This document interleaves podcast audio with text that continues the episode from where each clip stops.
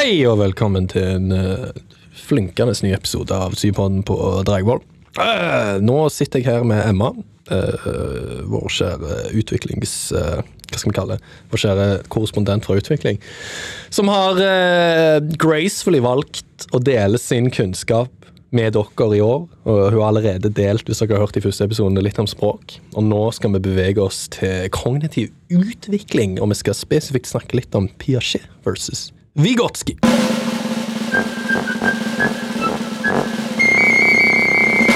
Yes! Piaget versus Vygotsky. Ja. Kognitiv utvikling. Jeg får litt sånne memory unlocked moments her.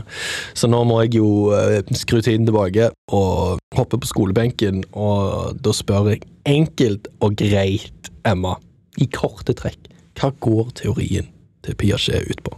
Jo, Eh, siden eh, vi har hatt veldig mye om Piaget i kollokviene for de som går i kollokvier, eh, og jeg regner også med at han blir nevnt stadig vekk i forelesninger, så vil jeg anta at de fleste i hvert fall har fått med seg Piaget og litt hva det går i. Men vi kan fortsatt gå litt raskt gjennom han for de som henger fullstendig etter. Og det som er hovedgreia til Piaget, det er at um, han har en teori om hvordan den kognitive utviklinga skjer hos barn fra 0 til 12 år. Han mener at utviklinga skjer i fire faser, og at disse skjer i samme rekkefølge og samme tid for alle barn.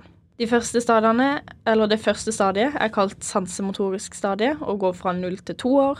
Deretter følger det preoperasjonelle stadiet fra 2 til 7 år. Så kommer det konkret operasjonelle stadiet fra 7 til 11 år, og til slutt er det formelle operasjonelle stadiet som kommer rundt 11 til 12 årsalderen. Hvor man da eh, anser at kognisjon blir ferdig utvikla, ifølge Piaget. Hva som skjer i hvert stadie, kan vi gå nærmere inn på i eh, kollokviene. Eh, eventuelt så kan dere lese på det sjøl. Men et annet viktig aspekt når det gjelder eh, Piaget sin teori, eh, er at utvikling eh, er en prosess hvor man da danner seg skjemaer. Og skjemaer kan en anse som en form for mentale strukturer. Og en samling av handlinger, tanker, minner og strategier for å forstå omgivelsene. Og Ifølge Piaget så er barn kun født med refleksive skjemaer, som f.eks. å gripe og suge, og dette er altså utgangspunktet for utviklinga. Og Gjennom å gripe og suge på flere ting vil barnet etter hvert danne seg flere erfaringer, og dermed utvide og legge til flere skjemaer. Dette skjer gjennom to prosesser, kalt assimilasjon og akkommodasjon. Ved assimilasjon kan barnet bruke allerede eksisterende skjemaer med en ny situasjon. F.eks. at barnet kan bruke samme gripeskjema for en ny leke, fordi den er på ca. samme størrelse. Men om dette ikke fungerer, um, å bruke det samme skjemaet som de har pleid å bruke, f.eks. hvis leken er veldig mye større enn den andre leken, så må de eksisterende skjemaene modereres for at man skal passe til den nye situasjonen. Og dette er en prosess som kalles akkommodasjon. Da må altså barnet tilpasse grepet for å passe leken som er i den størrelsen. Og gjennom disse to prosessene blir utvikling hele tida drevet fram, da barnet ønsker å være i tilstand av ekvilibrium, eller balanse, mellom akkommodasjon og assimilasjon. Om barnet kun opplever assimilasjon, vil det ikke foregå noen utvikling, fordi det vil bli for lett, da det ikke dannes noen nye skjemaer. Um, og det blir heller ikke noen utvikling av de gamle skjemaene. Men om det kun er akkommodasjon, så vil oppgavene bli for vanskelig for barnet, og det vil heller ikke skje noen utvikling da. OK. Spenstig, spenstig, spenstig. spenstig. Men uh, denne Vigotski Vigotski Vigotsk Har du en idé om uttalelsen? Nei? Vigotski? Ja, ok da. Det jo kjedelig norsk. Jeg håpet på noe ja, Russisk? Ja, ja, ja. Noe, noe, i den duren. Ja, ja, okay. tysk. Jeg tror for å unngå å offende Ja, den legger vi død. Uh, hvem er denne karen, da? Hvem er denne Vigotski? Jo, Lev Vigotskij, som han så fint heter, eh, er på mange måter kulturperspektivet sitt svar på teori om kognitiv utvikling. For han, ikke, for han så er ikke kognitiv utvikling en universell prosess som skjer i satte faser, og som ser lik ut på tvers av kulturer. Som da kanskje Piaget mener. Men i stedet så er den kognitive utviklinga forma av kulturen, som også gjør at barnet utvikles i tråd med kulturens verdier og praksiser, som gjør at barnet blir best mulig tilpassa det miljøet som de er en del av. Og gjennom dette så vil barnet tilegne seg både kulturens atferdsmønster og tenkemåte. Derfor er utviklinga også en sosial prosess, hvor barnet går fra det han kaller elementære mentale prosesser, som er medfødte funksjoner som alle barn utvikler, som oppmerksomhet, hukommelse og persepsjon, eh, til høyere mentale prosesser, som f.eks. språk og mer selektiv hukommelse. Og dette gjøres ved hjelp av andre medlemmer i kulturen. Så hvordan mener han at eh, denne hjelpen da kommer fra andre? Hvordan, hvordan fungerer det? Et viktig element i Vygotskis teori eh, er en slags modell som man kaller zone of proximal development. Eller for de som er en del av det norske forlag, meg sjøl inkludert. Den nærmeste utviklingssonen. På en lekker måte å si det på. Det er nydelig. Jeg fortsetter. Jeg har fått mye hate fra um, den andre sida her på akkurat dette her. Hæ? Å ja, mener du meg? Ja. Jeg er jo en fan av denne stadige tilnærmingen av at vi taper Nei, det er jeg jo ikke fan av. Jeg er jo ikke fan av at vi taper det norske språket så mye, Nei, egentlig. Nei, Men, så eh, fornorske det som fornorskes kan. Ja, det, det, jeg, jeg, jeg er for uansett motstand hvis jeg mener noe annet enn det. Så jeg, jeg er helt enig. Ja. Ok, ok, tilbake til temaet. Full utskjeng her. Um, så fra nå kaller vi dette den nærmeste utviklingssone. Og dette er en modell som illustrerer hvordan barn lærer ved hjelp av mer erfarne medlemmer av kulturen. Det kan være enten voksne eller litt mer erfarne barn på samme alder, eller litt eldre barn. Eh, Og her kan vi se for oss en slags sirkel som har tre lag. Det innerste laget vil bestå av ting som barnet kan gjøre helt alene uten hjelp av andre. Mens det ytterste laget er oppgaver som barnet ikke har noen forutsetning for å få til, eh, heller ikke med hjelp av andre. Men mellom disse to lagene så ligger det Vygotsky kaller den nærmeste utviklingssonen, hvor barnet da kan løse oppgaver i samarbeid med enten voksne eller mer kapable jevnaldrende. Og det er nettopp denne sonen barnet utvikler seg. F.eks. når barnet skal lære seg å gå, vil det være et stadie hvor barnet ikke klarer å gå sjøl. Men med da fysisk støtte fra de rundt, så klarer barnet å gå. Som vil da hjelpe utviklinga frem mot å gå sjøl. Dette kan også brukes rundt kognitive oppgaver, hvor assistanse fra noen mer erfarne gjør at barnet klarer å løse oppgaver som ligger litt over det nivået de mestrer på egen hånd. Og dette er en prosess som Vygotsky kaller scaffolding. Jeg tror Rogoff, som blir nevnt en del i den nye boken, driver og toucher litt mange av disse elementene når det kommer til læring. Uh, du nevnte scaffolding. Men jeg, jeg trodde jo du var en del av det, det norske forlaget. Jeg, Og vi eh, kommer til det. Å ja, ok, nei, men ok, scaffolding. Uh, kan, du, uh, kan du bare forklare, hva, hva er det for noe? Scaffolding er et begrep som beskriver den støtten som de rundt gir til barnet under læringsprosessen. Og man kan på norsk kalle dette for stillasbygging. Jeg tror jeg legger inn litt applaus her. i dette. Hey, da, Takk. det nok- ja. Og med dette så mener man at eh, foreldre regulerer både mengde og type støtte som de gir til barnet, som etter hvert vil føre til at barnet mestrer oppgaven sjøl. Hvis vi tenker tilbake på det som vi snakker om i podden om språk, for de som har hørt den, så er dette det samme som skjer i det Brunor kaller LAS, altså Language Acquisition Support System. Hvor foreldre støtter og hjelper barnet til å lære språk, ved å bruke da forskjellige mm, strategier. På samme måte mener også Vygotsky at voksne rundt oppmuntrer barnet til å utforske en oppgave eller løse et problem som er litt over deres egne evne, og leie dem gjennom ting som de ikke får til sjøl. Her setter altså de voksne opp et stillas rundt barnet mens de lærer denne nye ferdigheten. Og når barnet begynner å mestre sjøl, så kan man da sakte, men sikkert plukke av dette stillaset igjen. Ehm, slik at denne ferdigheten blir en del av det innerste laget til barnet, altså noe de klarer å mestre sjøl. Og For å dra en annen analog, så er foreldrenes stillas eh, en form for støttehjulene på en sykkel, som man etter hvert kan ta av når barnet har lært seg å sykle bra nok sjøl. Å, det var fint. Det var, var vakkert. Eh, Så bra. Du, er en en ordkunstner. Poet. En konnoisseur. Så, siden både Piachi og hva var det du kalte han? Lev? Lev? Ja. Lev Vygotsky? Yes, nei, vi, yes. vi prøver oss ikke. Uh, siden både Piaget og Vygotsky har teorier angående kognitiv utvikling, er det noen eksempler på ting som de eventuelt er litt uenige i, da? Ja, det er det jo absolutt. Uh, og et veldig tydelig eksempel på dette er de sitt syn på språkutvikling. Og her er det spesielt sånn et uh, aspekt ved språk som skiller disse to perspektivene veldig tydelig fra hverandre. Og det er den type tale som man ser førskolebarn bruker når de løser problemer eller gjør hverdagsaktiviteter. Eh, altså hvor de snakker for seg sjøl mens de gjør aktiviteten. Og Ifølge Piaget så er denne formen for snakk et tegn på at barnet er egosentrisk, altså at de ikke enda har utvikla evne til å ta andres perspektiv, grunnen deres manglende evne til å utføre mentale operasjoner. Og Derfor kaller han en slik type tale eller språk for egosentrisk tale, som etter hvert vil bli til sosial tale når barnet vender seg mer mot andre. Eh, og Vygotsky på den andre sida tenkte at denne formen for selvsnakking er en del av en prosess hvor barnet bruker språket til å regulere seg sjøl og sin egen atferd, på samme måte som vi voksne tenker for oss sjøl når vi løser problem.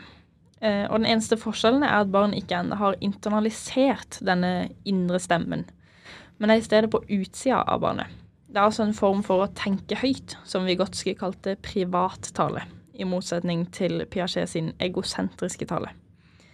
Og denne type snakking vil deretter sakte, men sikkert gå over til å bli hvisking, og så vil du bare se litt sånn bevegelser av leppene, og til slutt så vil barnet få da denne indre stemmen.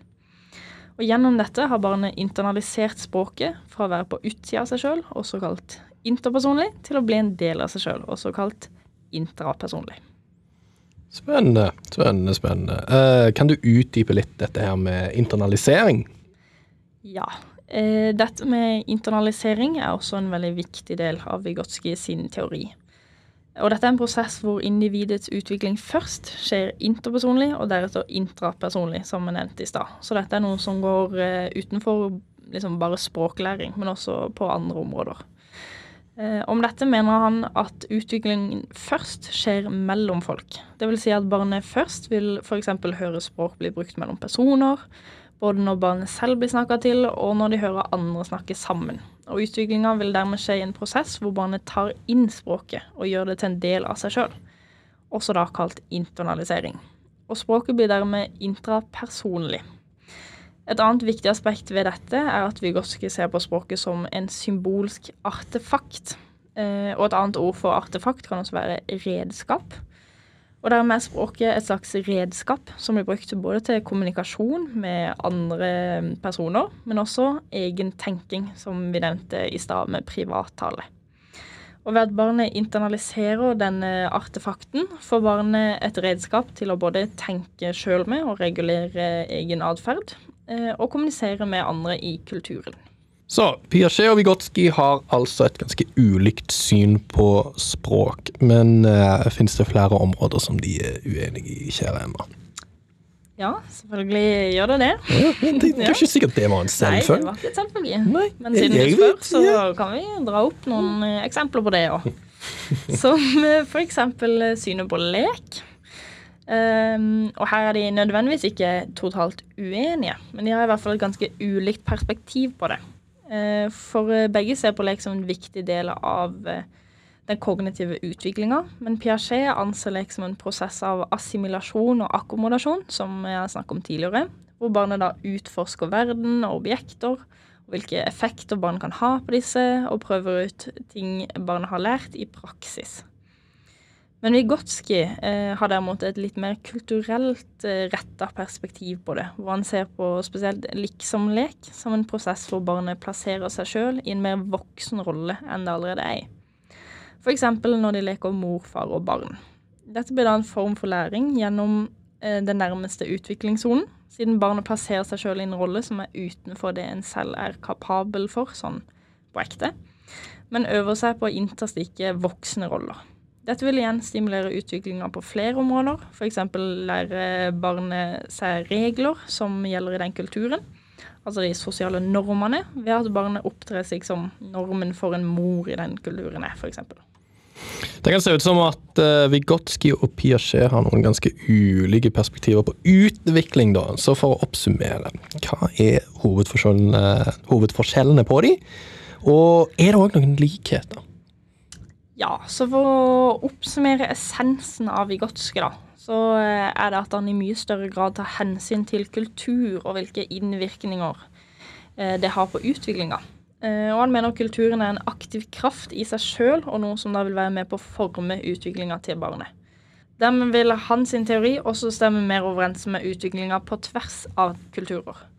Og Piaget sin teori er heller i stor grad retta mot en litt mer vestlig kultur, og legger stor vekt på intelligens og evne til å utføre logiske oppgaver. Og dette er jo veldig sånn vestlig verdsatte egenskaper, og er kanskje ikke noe man vektlegger i like stor grad i andre kulturer. Eh, og når han også har prøvd å teste barn i ikke-vestlige land for de typiske oppgavene som Piaget har brukt, så fant en ofte at barn lå lenger bak i denne utviklinga enn vestlige. Om en da ser dette fra Piaget sin teori, så vil en kanskje tenke at dette er en dårlig ting og tyder på at man eh, henger bak i utviklinga. Men om man ser dette fra et kulturperspektiv, så kan det jo tenkes at det er fordi det er andre deler av utviklinga som er viktigere for å best mulig tilpasse nettopp den kulturen som barnet lever i. Eh, og at det er praksiser i den kulturen som gjør at visse ting utvikles senere enn andre, uten at dette nødvendigvis er en dum ting, da. Ja, det er bare ikke sikkert testene til Piaget plukker det opp på, på lik linje. Uh, så det er, men det er vel et perspektiv de må ha med hvis de skal skrive en oppgave om dette. Det tenker jeg. Ja, det mm. må de absolutt. Men lær oss mer. Ja. Uh, Fram til nå så kan det virke som at disse er veldig motsetninger mot hverandre. Men det kan også være verdt å nevne at det er faktisk en del likheter også mellom dem. Uh, for det første så ser begge på barnet som en veldig sånn aktiv utforsker, og at barn lærer seg verden å kjenne ved å interagere med verdenen.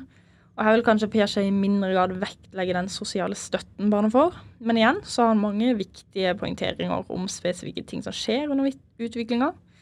Eh, som utviklinga av objektpermanens og evne til å resonnere og utføre mentale oppgaver. For det andre så ligner de to teoriene om ekvilibrum og den nærmeste utviklingssonen ganske mye på hverandre. Eh, begge disse baserer seg på at barnet kommer i en viss tilstand av flyt, som man kan kalle det. Eh, hvor oppgaven ikke er utafor det barnet har mulighet til å klare, som i Piaget sin forstand vil være at det krever for mye akkommodasjon, men samtidig ikke for lett, som vil være den innerste sirkelen i den nærmeste utviklingssonen, og assimilasjon for Piaget. Så da man, ligger man liksom i akkurat dette ekvilibriumet, som da på, um, for Vigotskij sin del kan være den nærmeste utviklingssona. Eh, den eneste forskjellen vil da være at Vigotskij også inkluderer at barnet behøver sosial støtte for å klare disse oppgavene. Noe som Piaget ikke nevner sånn eksplisitt. Jeg bare slenger meg ned på stolen bak her. Det, my work here is done. Ja, fortsett, Emma. Ja. um, ja. Siste lille etappe her nå, så bare heng med. Eh, når det gjelder språkutviklinga, så er det også ganske interessant å se hvordan Vigotskij ser på utviklingsprosessen som en prosess hvor man går fra å være sosialt retta, eller være veldig sånn avhengig av den sosiale støtta, til å bli internalisert og dermed bli noe privat. Mens for Piaget sin del så går det litt sånn i motsatt retning. Hvor barnet først er egosentrisk, og så senere vender blikket ut mot andre enn seg sjøl. Og eh, dette ser jo ut til å være ganske sånn motstridende tanker, og derfor mye av det som skiller disse perspektivene fra hverandre. Men samtidig så kan man også se på de som to komplementerende teorier, hvor det vektlegges litt forskjellige prosesser. Fordi mens Piaget ser nærmere på hvordan barn utfører logiske oppgaver, og dermed hvordan eh, den mer logiske utviklinga foregår, er Vygotsky sitt perspektiv mer retta mot utvikling i den sosiale arenaen. Og sammen kan en bruke disse to for å få en enda bedre forståelse over utviklinga sånn totalt sett. Se der. Uh, ja, det var vel en klassiker i min tid å si at Vigotskijs teori svarte på det Piaget sin teori ikke tok særlig opp. Ikke nødvendigvis det. Altså, det trenger jo ikke være at Piaget ikke var enig i det prinsippet. Og Her er det viktig at disse to har egentlig ikke sånn koeksistert på samme måte. Det, det, er teorier som kommer fra litt forskjellige Jeg vil ikke si tidsepoker, det er litt feil, men de, de dukker opp litt sånn i og fra seg sjøl litt forskjellig. Så Piaget er en Han er en, han er en, en, en monumentan brikke, en gigantisk brikke i utviklingspsykologien. Og han på lik linje, sånn som jeg nevnte, at Chomsky sin teori om om, eh, om lab og språkutvikling, og at det kunne ha en biologisk aspekt. På lik linje så er jo uh, Piaget sin kognitive utviklingsteori en, en, en, en hva skal vi si, en, en uh, frihetsgudinne. Gigamonument i utviklingspsykologien, og det, det, skal ikke skimses av det heller. Og han førte psykologien langt fram, men det er jo definitivt aspekter med det som kunne blitt forklart bedre, og aspekter som kanskje mangler. Og dere burde jo gå inn og sjekke de ulike sonene som blir nevnt. Eh, det er ikke alltid at eh, det er så Hva skal vi si At det går så automatisk som han ser for seg. At det er en veldig bestemt rekkefølge. Det er ikke alltid, f.eks. Denne her dekalasjen Ikke det dette? Jo. Jo. Horisontal dekkalag. Så jeg husker mye. Ja, ja. Jeg husker mye for å være en uh, som ikke kan noen ting. um, så se litt nærmere på det. Uh, men det er greit å ha det i hodet, at disse to ikke nødvendigvis kriger mot hverandre. Et veldig fint perspektiv som Emma ga der, men at uh, de kan svare på litt forskjellige ting. Så nå tenker jeg bare oppsummere litt kort et par eksamensoppgaver på slutten der dette kunne blitt nevnt. Bare nevne noen, veldig kort. Um, så her er det en. Eh, både Jean Piaget og Lev Vygotsky observerte at barn i førskolealder har en tendens til å snakke høyt med seg selv når de holder på med noe. På bakgrunn av denne observasjonen kom de frem til ulike teoretiske forklaringer. Gjør rede for forklaringene. Diskuter hvordan de ulike forklaringene kan peke mot ulike forskningstradisjoner. Da er denne episoden eh, fantastisk. Det er det. Eh, en annen eksamensspørsmål. Uh, scaffolding, eller sånn som vår kjære uh, norske kriger på andre sider, stillasbygging. Det er et begrep som kan brukes til å beskrive hvordan voksne støtter opp om under barns utvikling. Gjør rede for begrepet i lys av Vygotski sin teori om kognitiv utvikling. Litt annerledes, her måtte du ha vektlagt Vygotski mer enn Piaget. Men du kunne jo fint diskutert litt Piaget i slutten. Få fram at det er jo ikke bare én kognitiv utviklingsteori som er eksisterende, men jeg kunne hatt det som et fint diskusjonspunkt. At litt, eh, det hadde jeg gjort hvis jeg skulle drøfte absolutten. ja, jeg tror også jeg hadde gjort det Ja. samme for å få litt motvekt. Men han burde ikke vært Piaget må ikke være en sånn gigant Det må ikke være 70 av oppgaven. Det skjønner jo folk. Det tror jeg de forstår. Gjør rede for og drøft utviklingsmessige betydninger av barns interaksjon med jevnaldrende. Avgrens oppgaven innenfor aldersmennene 2 til 12 år. Og her, um, Dette er jo en litt større oppgave, så du kan trekke inn mye, men uh, her har, uh, her har jeg nevnt uh, Piaget og moralutvikling. Hva er det der? Ja. ja. At man kan knytte mye av altså, lek, f.eks., og utviklinga av moral, og Piaget sitt perspektiv på det, opp mot dette. Mhm. Eh, samtidig så kan du også dra inn Vygotsky og eh, dette eh, den nærmeste utviklingssonen som vi har snakket om i dag, og at mer kompetente jevnaldrende kan være med på å føre utviklinga videre. Ja, og så i to oppgaver til. Gjør rede for hovedtrekk i barns språkutvikling. Drøft aspekter ved språket som barn må lære å mestre, og hvordan barnets omgivelser støtter disse læringsprosessene. Og Her kan du f.eks. ta utgangspunkt i de første episodene vi lagde, men nå kan du knytte det litt opp til Vigotski, med tanke på at Lass er basert på scaffolding. Eh, Veldig bra. Piaget studerte barns kognitive utvikling ved å fokusere på måten de løste bestemte oppgaver på. Beskriv én eller flere av disse oppgavene, og bruk Piaget sin teori til å forklare hvordan oppgavene kan kaste lys over den kognitive utviklingen. Treff måten Piaget tolket barnets oppgaveløsninger på. Nå har ikke vi nevnt så mange av de oppgavene i denne podden, så det må dere lese sjøl. Og det er veldig viktig at dere leser, selv om vi har liksom tatt et lite aspekt av Piaget mot Vygotsky. Men dere må skjønne alle de stadiene, det er viktig. Men et godt eksempel her er jo A- og ikke B-feil. Konservasjonsoppgaven, Tree Mountain Task. Prøv å knytte de opp til, til lev og pigg. Pigg er feil. Piag. Lev og piag. Lev og piag. Ja. Uh, med det så ser jeg at uh, mens forrige episode landa på sånn rundt 21, det er altså fra Byåsen til Dragvoll, så er vel denne episoden begynner å nærme seg uh, eller begynner- Værnes? Ja, nei, nei ja. Værnes. Med stopp i midten, eh, så den begynner å bli litt lang. Men igjen, le, les godt på dette. Skjønn hvordan perspektivene komplementerer hverandre. Ikke nødvendigvis krig de opp mot hverandre hvis dere ikke får spesifikk beskjed om det. Skjønn at det kan være enkelte aspekter en forklarer litt bedre enn annen. Vis bredde der. Eh, les godt, øv godt, jobb godt. Skriv ned gode notater, ha det klart. Og har du noen siste tips, eller er vi fornøyd? Skal vi si oss fornøyd? Det var litt bias å si 'er du fornøyd'? Da hinter jeg til at du ikke egentlig skulle si så mange tips. Det var egentlig litt Men vi har sikkert mista halvparten av seerne for lenge siden, og de hører på resten når de gidder. Eh, og med det, så da snakkes vi. Takk, Emma. Farvel. Takk for at vi kom med.